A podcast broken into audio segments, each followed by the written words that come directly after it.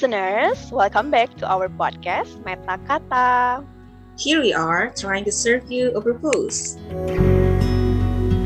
Oke, okay, thank you so much nih buat listener semua yang udah ngedengerin Meta yeah. Kata sampai sejauh ini. Kita ngelihat progresnya sih lumayan signifikan ya sampai yeah, dengan episode yang kemarin. Jadi kita berharap listener semua bisa enjoy terus sama konten-konten yang kita sajikan. Dan hari ini kita kembali lagi sama konten yang baru, yaitu konten Inspiring Talk. Hari ini kita kedatangan seorang tamu spesial. Kenapa yeah. spesial nih? Karena didatangkan dari Australia ya. Bener. Iya kan, dari Australia. Yeah. Jadi namanya adalah siapa Beb? Mbak Alia Rifai. Iya. Halo. halo Mbak Alia. Halo Mbak Alia. Halo Mbak, kabarnya? Sehatkah? Alhamdulillah sehat. Alhamdulillah, oke. Okay. Nah, pasti listener semua nih penasaran dong. Setiap sesi-sesi talk kita, apalagi yang undang seseorang, itu pasti mereka pengen tahu dulu nih. Jadi Mbak Ali mungkin bisa introduce dulu yourself.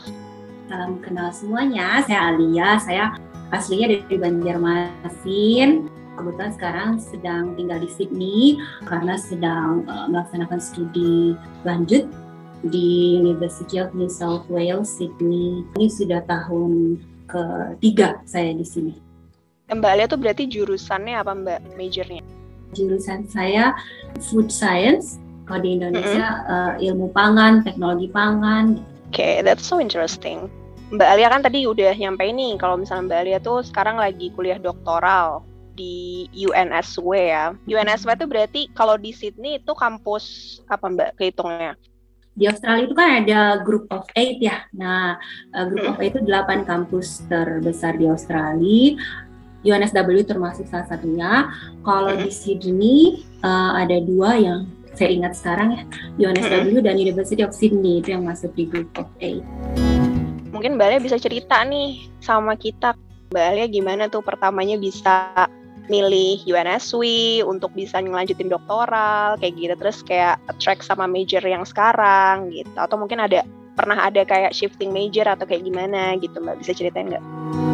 Uh, mungkin aku cerita dari majornya dulu ya. Kalau major itu awal ceritanya dari waktu aku S1 SMA kelas 3 malah waktu itu suruh milih jurusan kan. Kebetulan aku dapat informasi bahwa di IPB itu ada jurusan namanya teknologi pangan dan gizi katanya jurusan ini baru dapat hibah gede jadi alat-alat labnya baru dan banyak gitu. Jadi dari informasi itu aku pengen sekolah di situ gitu. Alhamdulillah diterima kemudian lulus dari PB sempat kerja di industri pangan. Di situ aku lihat oh ternyata ilmu ini kepake ya. Buat bikin mie instan buat wow. bikin macam-macam. Nah Sangat jadi sekali ya. Yeah. nah tapi dari pengalaman kerja itu aku merasa aku kayaknya ilmunya masih banyak kurang gitu untuk teknologi pangan ini. Tapi kemudian ya ada jalan kehidupan profesional ya. Jadi aku waktu itu memutuskan untuk aku keluar dari industri aku masuk ke akademik gitu. Nah di situ aku mulai mengajar dan tentunya tuntutan di uh, lingkungan kampus ya aku harus uh, belajar terus ya. Uh, aku merasa banget kurang gitu. Nah jadi terus aku sekolah S2 waktu itu masih bisa S1 masuk uh, jadi dosen. Oh iya benar, uh, mungkin aku angkatan terakhir kali. Uh, nah hmm. tahun berapa mbak? Terakhir boleh jadi dosen S1 uh, 2008 kalau di kampus aku Oh, 2008. Ya, setelah okay. itu yang angkatan 2009 udah S2 semua. Terus kenapa memilih mungkin Australia dulu ya? Waktu itu ya pengennya sekolah yang ke Amerika, ke Eropa. Hmm. Tapi ada pertimbangan karena aku udah berkeluarga. Waktu itu tidak bisa membawa keluarga ya, jadi uh, dipilihlah negara yang dekat secara jarak. Jadi so, if something happens, we can quickly respond gitu. Nah, itu pilihan kenapa Australia. Terus kenapa UNSW? Kebetulan beberapa buku yang dipakai waktu kuliah, rujukan-rujukan tuh pengarangnya ngajarnya di UNSW dan aku pengen hmm. gitu berguru kepada yeah, yang menulis buku itu gitu. Dan ada orang yang pernah ngasih tahu aku Alia kalau cari sekolah carilah sekolah di mana dosen kamu dulu berguru. Gitu. So oke okay lah. Hmm. alhamdulillah diterima. Tuh waktu S2 terus ya sekarang nggak lanjut S3 kembali lagi ke sini. Oh, berarti bukan cuma doktoral ya yang di UNSW, di magisternya juga? Hmm. Tapi it's a long time ago. Long time ago. Uh, Okay. did, did you have a gap year too? Of course. Um, aku Because Mbak Alia looks so young, you know. Iya, you look so young. Yeah, seriously. As if Aku I am malah ngerasa kita I'm kayak in the same, same age loh, Mbak. Iya, iya. Oh, come on. Eh, seriously, seriously. No, no, no, no, no. You have no idea.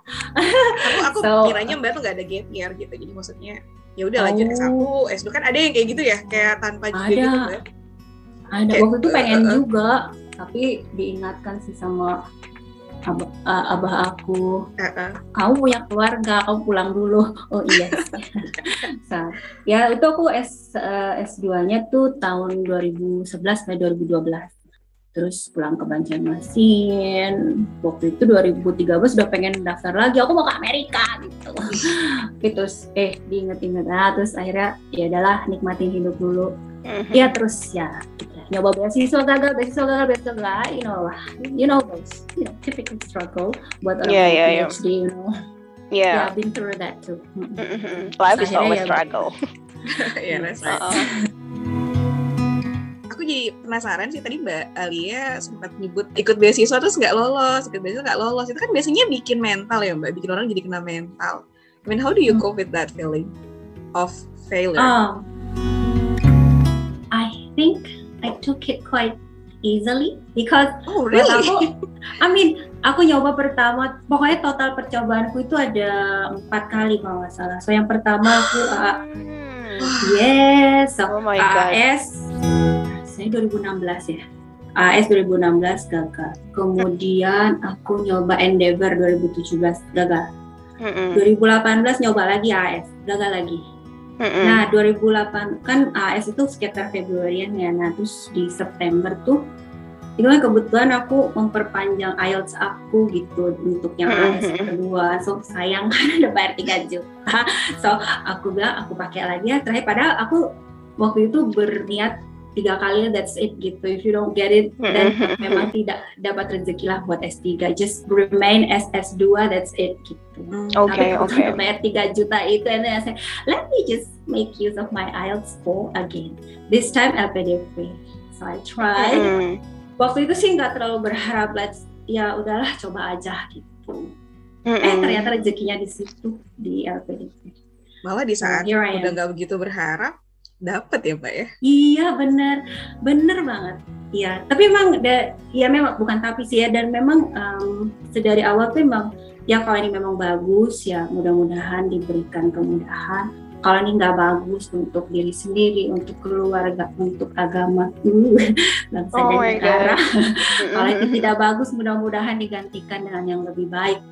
Doanya dari awal selalu begitu. Jadi kalaupun hasilnya Mhm. tidak, ya sudah berarti ya nggak dapat. Yes, that's it. Tapi Yes. memang suami aku sempat ngomong sih setelah aku nyoba tiga kali itu, terus aku nyoba LPDP, and then dia tuh bilang gini, kayaknya kamu bakal dapat LPDP. I said, how come? Terus pas aku dapat terus dia bilang aku mau jujur kata jadi emang waktu kamu nyoba 2016 17 dan 18 awal awal kemarin gitu ya aku memang belum belum belum sepenuhnya mengizinkan kamu pergi katanya Oh my god. I feel touched with this story. seriously. Iya iya, Yeah, that's I so was like- moving. oh my god you have such a power I mean not not him I mean tentu dari Iya, iya, Tuhan. yang untuk kali ini katanya pas kamu daftar PDP aku rasa ya udah mungkin udah saatnya dia harus sekolah lagi gitu Iya. and so here I am Biasanya kan Mbak, orang-orang yang mereka bermigrasi ke luar negeri itu kan ya pasti lah ya sedikit banyak tuh mengalami kayak semacam shocking culture gitu. Dan mungkin itu Hmm. juga terjadi gitu pada Mbak. Dua aku jawab ya aku mau kasih tahu dulu ya jadi yang akan aku sampaikan ini tuh purely based on my personal experience Mm-mm.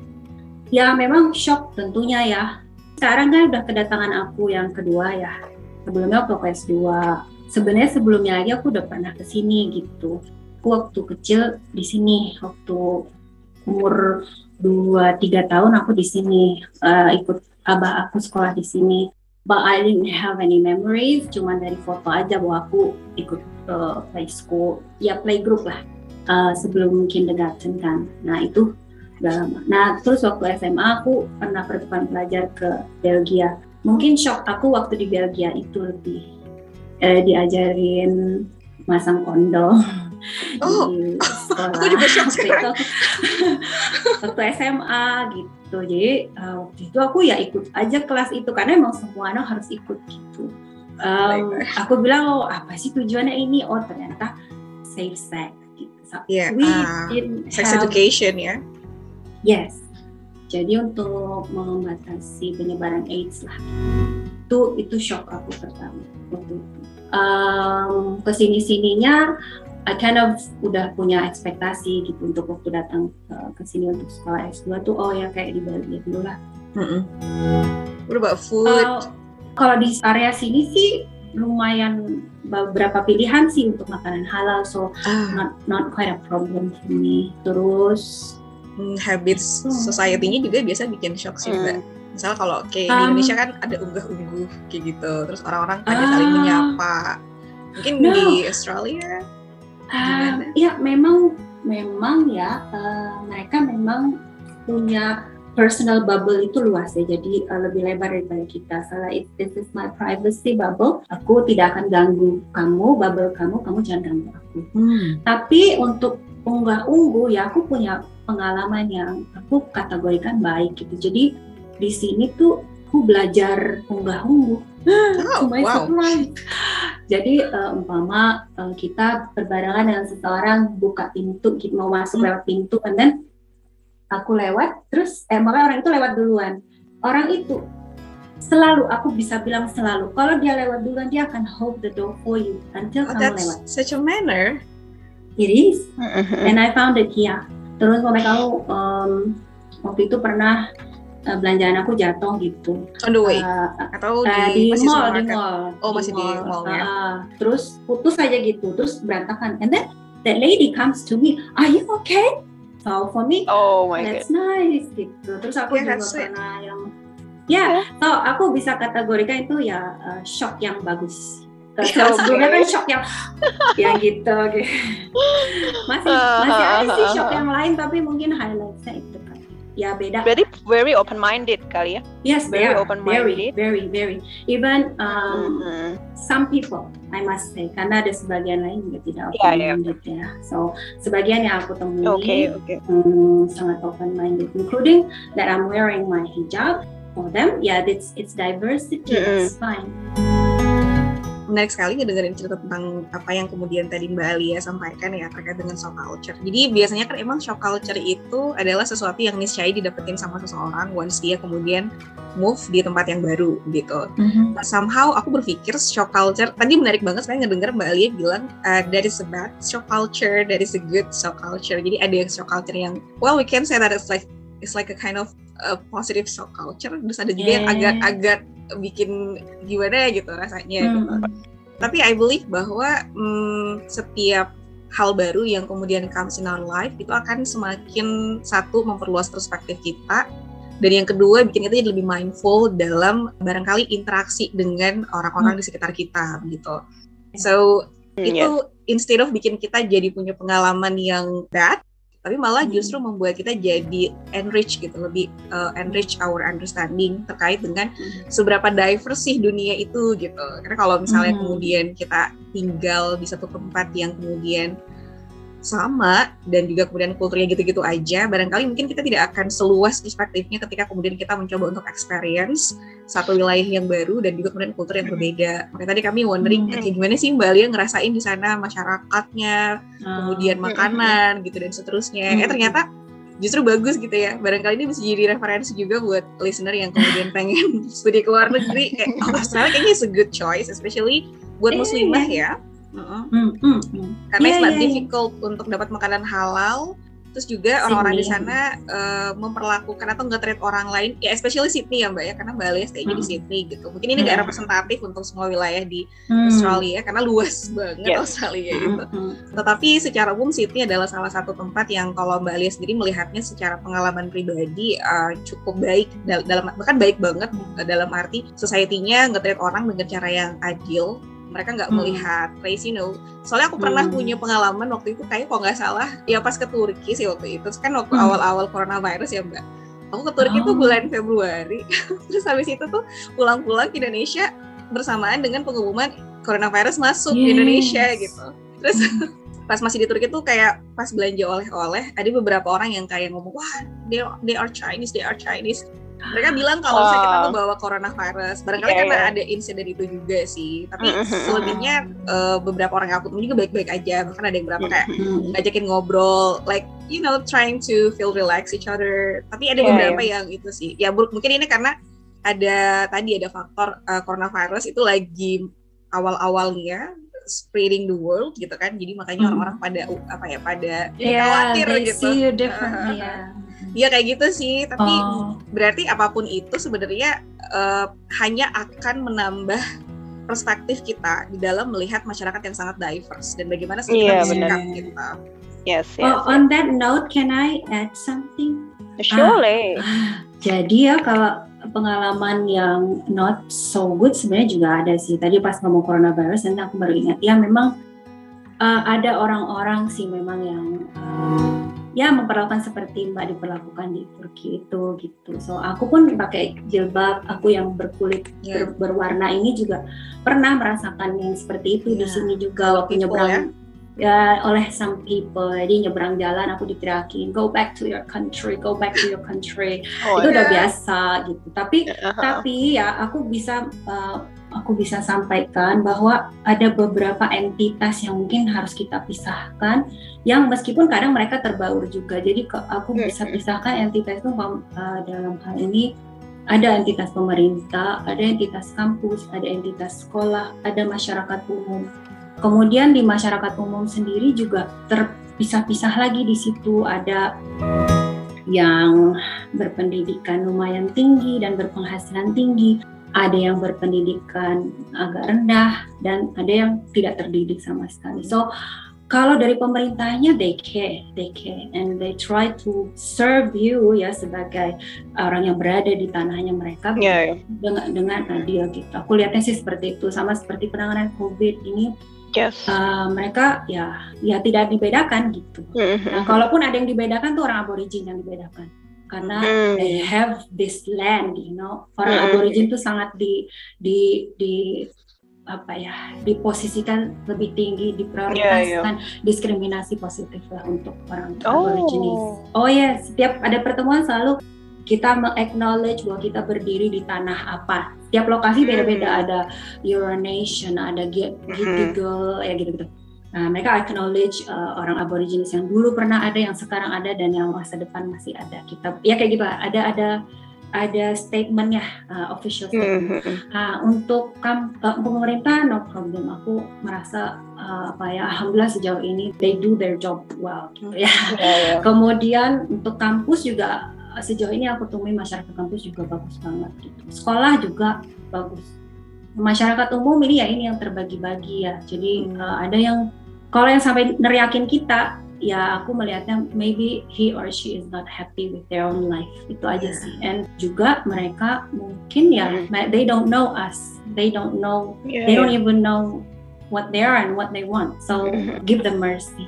So buat aku mm-hmm. ya sudahlah mereka bilang selama tidak fisikal ya waktu itu aku pernah di diperlakukan seperti itu juga. Terus ada ada orang sini yang benar-benar orang sini gitu nyamperin aku are you okay? Gitu if you feel kayak merasa terserang mm. you can report it to the police dia bilang gitu dan itu oh. mbak itu yang ngomongin dia negetin aku di bus stop gitu so so yeah, yeah. memang ada orang-orang yang seperti itu tapi kita harus yes. lihat background orang ini apa sih gitu biasanya sih orang-orang yang teriak-teriak kayak gitu Hmm. Biasanya they're not happy with their life. That's how I see it. Jadi mereka udah habis membuat mereka tidak happy, mereka lari ke minuman keras dan minuman keras tetap tidak membuat mereka happy. And so you know those thinking process agak um, apa ya ter ternodai.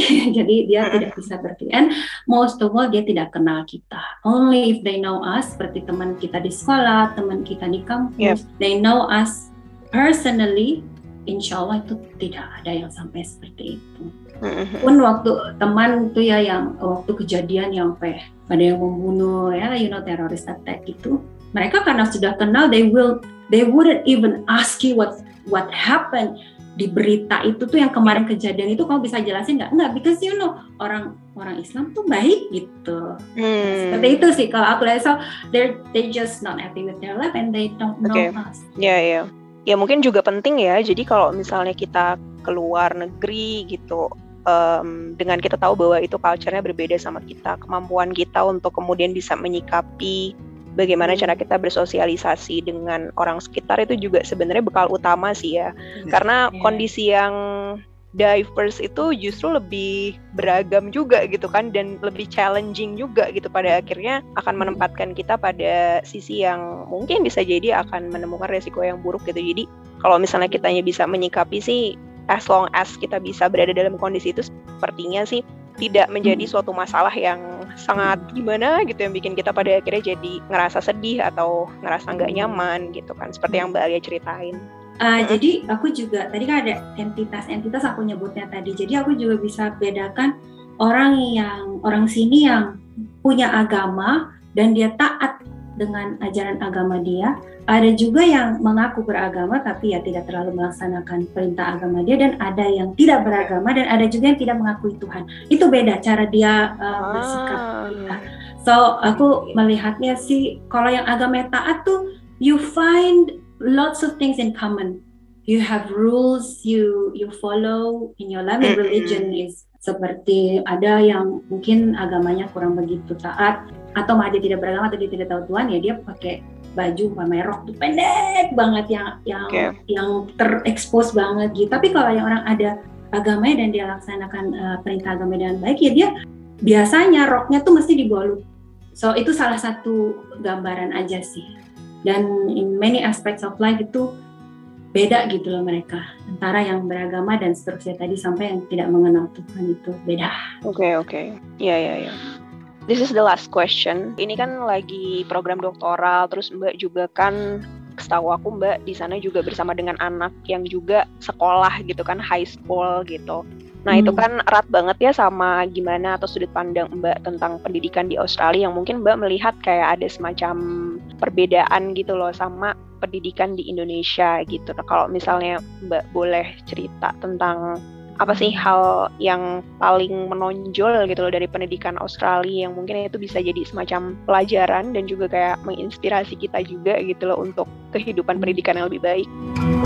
Sekolah di sini itu cara mereka berinteraksi dengan anak itu dan murid gitu ya agak berbeda. Jadi uh, mungkin hmm mungkin pernah dengar ya gimana uh, orang tua hubungan orang tua dan anak di sini ya. Jadi anak tuh bisa panggil orang tuanya namanya gitu bukan ayah atau oh, yeah, yeah, yeah, So so that's how close I mean if you can say close gitu ya. Jadi kayak semacam tidak ada jarak antara kamu dan gurumu dan gurumu kamu. Not fully a good thing, it's not fully a bad thing. Uh, mungkin kalau ada kesempatan aku jelasin. Nah terus um, aku lihat guru-guru di sini tuh selalu memberi apresiasi like no matter how how biasa kerjaan anak itu mesti dikasih yes. bagus gitu kamu gini gini gini gini oh. tapi kamu bisa improve di sini gitu oh. so bagus lo gitu bahwa dia mau mengerjakan itu dia sudah put their effort to that level gitu meskipun tuh levelnya mm. yang kalau kalau di Indonesia sih udah yang Iya, tahu sendiri gimana ya. Nah, uh, tapi tapi didikan Indonesia itu juga membentuk aku sampai aku jadi seperti ini ya. I mean, yes. you know high standard, eh high standard, ya gitulah. You know competitive as. Nah, iya yeah, um, iya yeah, yeah. Nah, kalau di situ bagus, semuanya bagus gitu. Uh, tapi kau bisa improve di sini. Jadi lebih ke mana sih bagian yang bisa dikembangkan di anak ini. Hmm, Terus okay. kalau di pelajaran aku lihat sih kayak materi matematika gitu yang memang lebih cepat Indonesia sih lebih advance tapi dia di bidang lain lebih uh, advance contohnya kayak ada mata pelajaran apa ya tech kalau nggak salah tuh udah belajar coding padahal masih kelas hmm. wow. yes dan Syarifah seneng banget itu Oh, oh my god. Syarifah seneng banget, kita nggak tahu banget. oh, once you know kalau emang passionnya di situ pasti sih. Yes, benar, nah, benar, terus Uh, terus sejarah berbeda. Uh, pelajaran sejarah di sini tuh dibahas tentang aspek-aspek sejarah yang kita tidak belajar di Indonesia. And aku baru tahu itu di sini. Contohnya mereka di sini belajar medieval Europe Jadi medieval Europe itu tahun 500 Masehi sampai 1500 Masehi. Di medieval Europe itu yang dipelajari adalah tentang keterpurukan Eropa. So Middle Ages atau medieval Europe itu adalah dark ages of Europe. Dan aku baru tahu di sini dari gurunya Syarifah bahwa kata gurunya itu adalah masa kegelapannya Eropa dan satu-satunya cahaya itu adalah dari peradaban Islam. like, oh, my god, merinding banget. Yes. Yeah, yeah, yeah. Oh my god, I have never heard this before. Even uh. in Indonesia, aku tidak pernah dengar ini gitu. Yes. yes. And kemudian, yes, I was like, dan aku aku perhatikan kan dia ada berapa kali pelajaran history gitu tiap uh -huh. Uh -huh. Jadi cepat gitu ya perkembangan. Jadi aku lihat yeah. di situ kemudian dia guru itu menjelaskan Ibnu Haitami, menjelaskan oh, Ibnu yeah. Khaldun. Aku sampai oh my god, they know stuff. Dan kemudian ada tugasnya. Jadi di tugas itu di akhir bahwa uh, cari penemuan uh, di masa medieval Europe. Hmm. Jadi penemuan itu semuanya dari Muslim civilization. Jadi anak-anak mempresentasikan kayak kamu pilih siapa, aku pilih Ibnu Haitami, aku pilih Maria Al Astulabi, hmm. aku pilih ini. You know those names? I never heard those names aku tahunya di sini. Tapi ada bagian yang um, aku kurang sepakat juga sih. I mean, uh, di sini kan yang diutamakan tuh adalah uh, human rights, self respect. Bahwa aku lakuin ini kan aku pengen, so you have to respect me gitu. Okay. Kemudian aturan-aturan itu tidak dikaitkan dengan agama karena memang mereka memisahkan ya uh, kehidupan dunia dan agama jadi termasuk di sekolah juga gitu ada sih kelas-kelas agama tapi itu kamu boleh ambil boleh enggak gitu. Karena dipisahkan aku merasa ya aku sebagai orang tua sih ini ya agak sulit sebenarnya mendidik anak itu kalau kita lepaskan dari aturan agama contoh ya Pamai kukunya panjang, dia pakai acrylic nails to school. Kamu bisa nggak melarang dia? Kamu tidak boleh. On what base? Aku kan nggak ganggu kamu. On yeah, what yeah. base kamu tidak boleh ganggu aku? bahkan guru pun tidak bisa melarang gitu. I mean the school might have um, aturan, tapi aturannya, mm. nah orang sini itu aku lihat tipikalnya adalah mereka tuh berpikirnya kritis. Aku lihat itu di semua mm. orang, meskipun entitas itu aku tadi kelompok-kelompok kan, semua yeah, mereka yeah. berpikirnya kritis. So, why?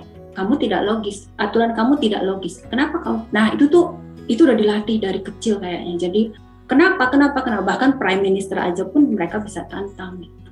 So yeah, yeah. So yes, yang namanya prime minister premier itu adalah pelayan mereka kalau aku lihat. Hmm, Gimana kamu pelayan okay. menghadapi covid nih? Itu karena ya berpikirnya kayaknya memang budayanya kritis sekali. Nah jadi dari situ banyak aturan yang uh, tidak bisa seperti ya mungkin karena valuesnya yang berbeda dengan aku. Jadi kayak berpakaian, kadang, kadang mereka punya hari yang boleh pakai baju bebas mereka biasanya pakai baju seragam, tapi ada mm. satu hari itu namanya Mufti Day boleh baju bebas. Mm Dan aku merasa itu Mufti Day dipilih winter itu karena supaya anak-anak masih pakai baju yang agak tertutup oh. karena winter. Karena kalau okay. in summer, kalau summer aku nggak bisa bayangin karena yeah.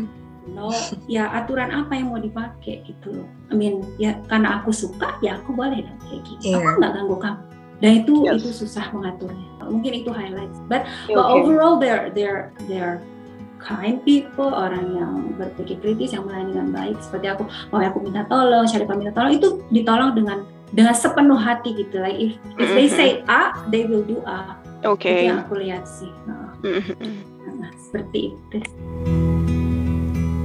Ya aku dengerin Mbak hmm. Alia nih jadi ngerasa kalau ngedidik anak tuh adalah sesuatu yang apa ya, it needs a lot of effort and dedication. I mean, kita biasanya punya gambaran sih terkait dengan kita pengen anak kita tuh bakal seperti apa dan kemudian menyesuaikan dengan situasi dan kondisi support oh. sistemnya lah ya kan. I mean Mbak Lia punya gambaran barangkali aku pengen anakku seperti ini gitu. However misalnya ada supported system tertentu yang kemudian misalnya akhirnya somehow memunculkan uh, tantangan-tantangan tersendiri buat Mbak Alia gitu. Jadi kayak apa ya? Aku jadi kayak ngerasa kalau misalnya uh, menjadi orang tua itu adalah salah satu tugas satu seumur hidup dan yang kedua hmm. penting untuk selalu di-upgrade dan diperbaharui gitu understandingnya karena kan zaman juga terus berubah sistem pendidikan terus berkembang kemudian value di masyarakat juga barangkali kalau misalnya kita pindah ke tempat yang lain seperti kondisi Mbak Alia juga akhirnya ada shifting gitu kan. Jadi dengan semua faktor-faktor tersebut dan penting untuk dipertimbangkan gitu kan, ya akhirnya memang penting banget untuk be a mindful parents gitu. Jadi mengkomunikasi segala sesuatu ke anak gitu. Intinya challenging lah. Jadi kalau misalnya pengen jadi orang tua tuh benar-benar harus ngerti bahwa kayak this is the risk yang harus aku tanggung dan this is the consequence yang harus aku kemudian terima nantinya kalau once uh, anak itu udah lahir dan udah dibesarkan kayak gitu. Mm-mm, iya. Jadi untuk mendidik anak itu, aku bukan expert di bidang ini. Aku, aku cuma berdasarkan pengalaman pribadi, like I said. Jadi penting anak itu. I mean ini di Indonesia kah di mana pun berada ya di luar negeri yeah, yeah. gitu. Itu sama. Jadi mungkin dari rumah tuh memang valuesnya anak tuh harus jelas gitu lihatnya. Dia tahu oh orang tuh orang tua aku kayak gini terus orang tua aku memperlakukan orang tuanya kayak begini. Itu dia harus jelas ya contoh itu kayaknya ya kalau aku perhatikan. Kata kuncinya uh, contoh tadi mbak. Anak tuh mau imitasi ya mbak ya? contoh. Ya? yes dan uh, manakala berada di Indonesia, contoh-contoh itu juga dia bisa pick up dari masyarakat dan insya Allah sebagian besar uh, dia bisa contoh dari masyarakat Indonesia. Sebagian ya, ada juga yang tidak bisa dicontoh. Nah, uh, di sini agak sedikit yang bisa dicontoh, uh, ya seperti yang sudah aku sebutkan tadi beberapa. Nah, jadi dia yang dia lihat, yang dia uh, disajikan di mata dia, di telinga dia di TV segala macam itu adalah seperti itu ya. Cowok propose ke cowok. Maaf oh, ini ya nah terus uh, cewek sama cewek. Ya termasuk di sekolah juga ada yang seperti itu. Nah jadi itu yang disajikan di dia gitu. So it is very important untuk kita memberitahu dia value kita adalah ini. Dan kita harus konsisten terus di value itu. Nah, aku nih kebetulan baru ini aja aku uh, mulai merasa perlu untuk belajar agama aku. Sebelumnya aku I'm, I wasn't a good Muslim. Even now I'm not a good Muslim. It's just now it's a bit different because I want to become a better Muslim gitu. Sebelumnya aku merasa ah fine. Nah sekarang anak udah makin gede, dia perlu contoh gitu. Jadi dan aku harus bisa mencontohkan baik. Nah aku sering dia tanyain macam-macam, and I have to be ready with answers, at least instant answers gitu yang yang bisa aku punya aku punya modal lah meskipun sedikit. Kalau aku tidak bisa aku bisa carikan ke lain. Nah values itu ada dan konsisten ada di rumah. Dia lihat tiap hari selalu ini mamaku tuh seperti ini. Dan kata berita bahwa sumbernya adalah dari ya karena muslim ya jadi Al-Quran, hadis, kehidupan Nabi dan keluarganya dan sahabat-sahabat seperti ini contohnya. So um, sirah itu penting. jadi dia tiap malam tuh jam hampir mau tidur tuh neneknya nelpon dia video call untuk entah bacain sirah, entah bacain hadis, entah um, apa uh, etos kerja lah, etos etos sih itu. Yeah, yeah. Jadi dia um, adalah gitu nilai-nilai yang dia um, apa temui selain yang di luar sana dan kemudian juga yeah. perlu yang dia lihat juga di sini adalah community yang berperilaku, berpikir, berkata seperti mama aku gitu, seperti mama papa aku gitu. Jadi cari community itu dan dekati community itu. Uh, di Indonesia juga okay. sama, so you have to be in a community. Aku pernah dengar mm -hmm. dari Mbak Vika Komara ya, kata Mbak Vika mm -hmm. community itu adalah seperti inkubator. Jadi kalau bayi itu untuk um, mempertahankan hidupnya kan diberi suhu yang hangat sehingga dia bisa mm -hmm. tahan hidup. Nah community itu menjaga suhu itu suhu supaya anak ini bisa bertumbuh kembang dalam suhu yang nyaman itu dan uh, menjaga suhu keimanan yang yang yang yeah. kita harapkan gitu. Jadi mm-hmm. harus terhubung dengan community gitu. Community mm-hmm. community apa yang punya values yang sama dengan kita. Oke. Okay. itu sih jadi contoh. Ah, that's totally agree and that's so interesting. Tapi karena so kita harus mengakhiri ya podcast kita, So, mungkin Mbak ini terakhir kali ya kasih pesan tapi pakai aksen Australia.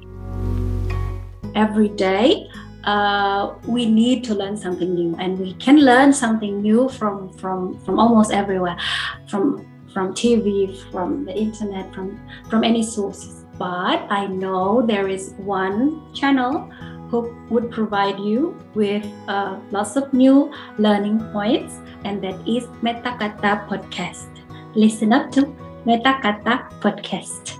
Wah, thank you Mbak. thank you so much. Okay. Terima kasih udah datang ke Meta Kata dan juga jangan bosen. Nanti kalau misalnya diundang lagi ya Mbak ya, mungkin nanti kita akan bahas dengan topik Hmm. yang lain, yang lebih seru lagi, yang lebih deep Hmm. lagi, kayak gitu. Dan ya oke, jadi sekian meta kata hari ini. Sampai jumpa lagi di meta kata berikutnya. Bye bye Ya, listeners. Bye listener.